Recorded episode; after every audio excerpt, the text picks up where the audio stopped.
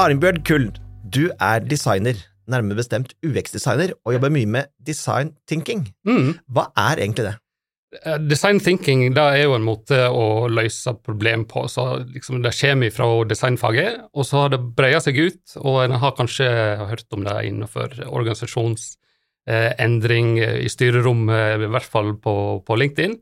Men det det handler om i bunn og grunn, er å ha empati for sluttbrukeren, og så å lage løsninger, tjenester og produkt som løser et faktisk problem.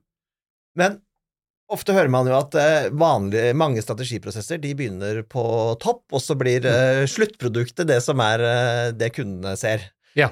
Er det litt sånn, for å forenkle det veldig, at design thinking handler om å gjøre det i motsatt rekkefølge? Det gjør det. Altså, det er jo veldig vanlig at kundene våre kommer til oss med en løsning.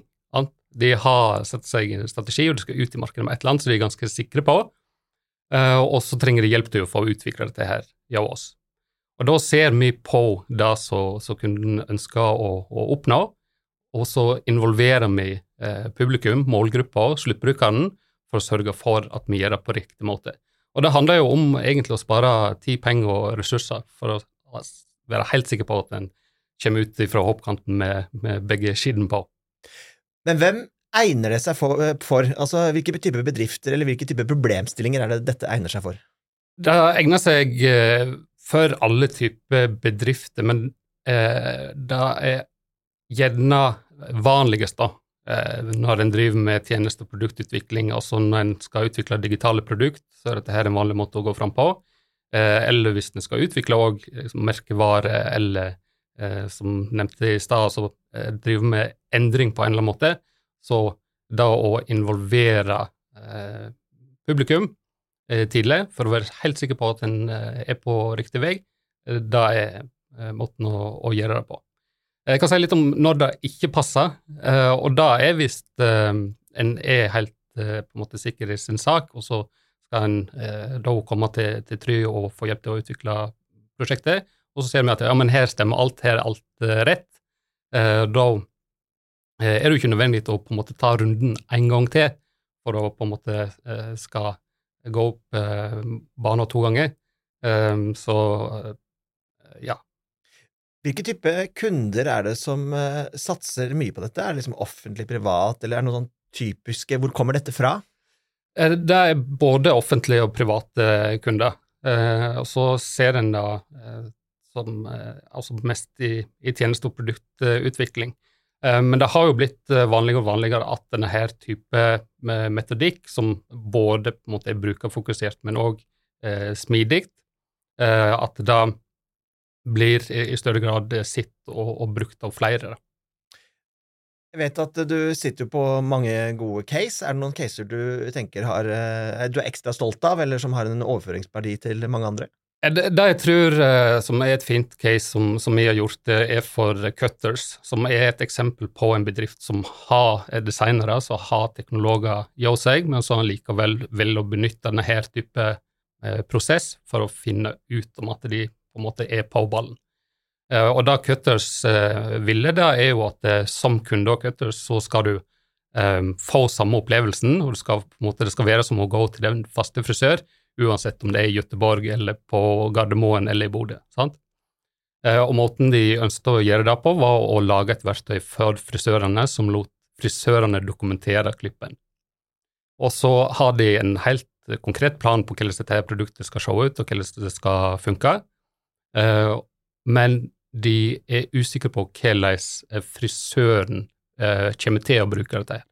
Og Da er det veldig raskt for oss å lage en enkel prototype som vi tar med oss i salongene, og så ser vi at eh, ok, her har vi lagd eh, en, en dokumentasjon, så ja, noen frisører sier at nei, dette hopper jeg glatt over iPaden, den bruker ikke jeg uansett, mens andre sier at det er fint, dette her vil jeg bruke, men jeg skjønner ikke helt språket de har valgt, fordi at språket som er i prototypen, det er et norsk frisørspråk, sant? Og Cutters, de har jo masse eh, frisører som kommer fra andre land, og så har gått gjennom Cutters Academy. Og da bruker de et annet språk enn det norske frisører gjør. Så da oppdager vi at ok, her er det en språkendring som må til. Og da endrer vi språket til et som Cutters-frisørene eh, forsto umiddelbart, bare med å kaste et blikk på iPaden.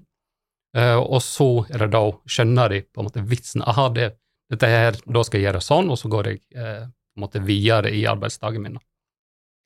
Jeg vet at mange tenker dette er nytt, men spennende, dette har jeg lyst til å gå i gang med. Hvor krevende er det å gå i gang hvis man ikke har jobbet med dette før? Det er ikke så veldig krevende, fordi at uh, det første handler jo om å involvere uh, sluttbrukeren, den som vi har identifisert at skal bruke dette her, denne tjenesten eller produktet. Og da kan jeg gjøre kjempeenkelt. En kan sende ut en spørreundersøkelse sant? Uh, med et bilde av produktet eller tjenesten, et enkelt screenshot, og så få tak i 100 respondenter, og så ser en at ok, men dette her, her har vi en, en, god følelse på at dette her er noe vi bør gå videre med. Så sånn innledende testing, geriljatesting, gå ut på gata og spørre folk, vise fram en superenkel prototype, da eh, ha en veldig lav terskel. Så dette her er noe som er lett å komme i gang med, og så etter kort som en på en måte går videre i og skal skaffe flere bevis, få validert problemstillingen, som kanskje da utvikler seg og blir mer og mer kompleks, så går en jo eh, veien og er nødt til å, kanskje justere på konseptet eller utvikle nye konsept, eller um, egentlig kanskje hvis en har validert og, sett at dette her er en god idé, um, fortsette å, å, komme raskere i mål, uh, så er liksom prosessen tatt høyde for på en måte alle de scenarioene. Eh, så en vil her oppleve at en går raskt fra fase til fase, og ikke eh, nødvendigvis stanger i veggen.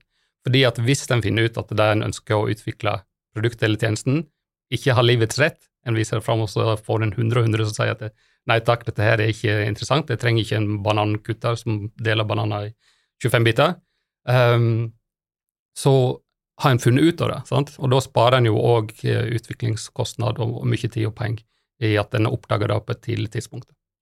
Tusen takk. Før vi avslutter, Arnbjørn, hvis du oppsummerer design thinking i én eller to setninger, hva sier du da? Jeg vil si at eh, gode prosesser med brukeren i sentrum er nøkkelen til god produkt- og tjenesteutvikling. Hvis du vil lære mer om dette temaet, kan du enten gå inn på try.no, eller ta kontakt med fagpersonen du nettopp hørte. Kontaktinformasjon finner du i episodebeskrivelsen.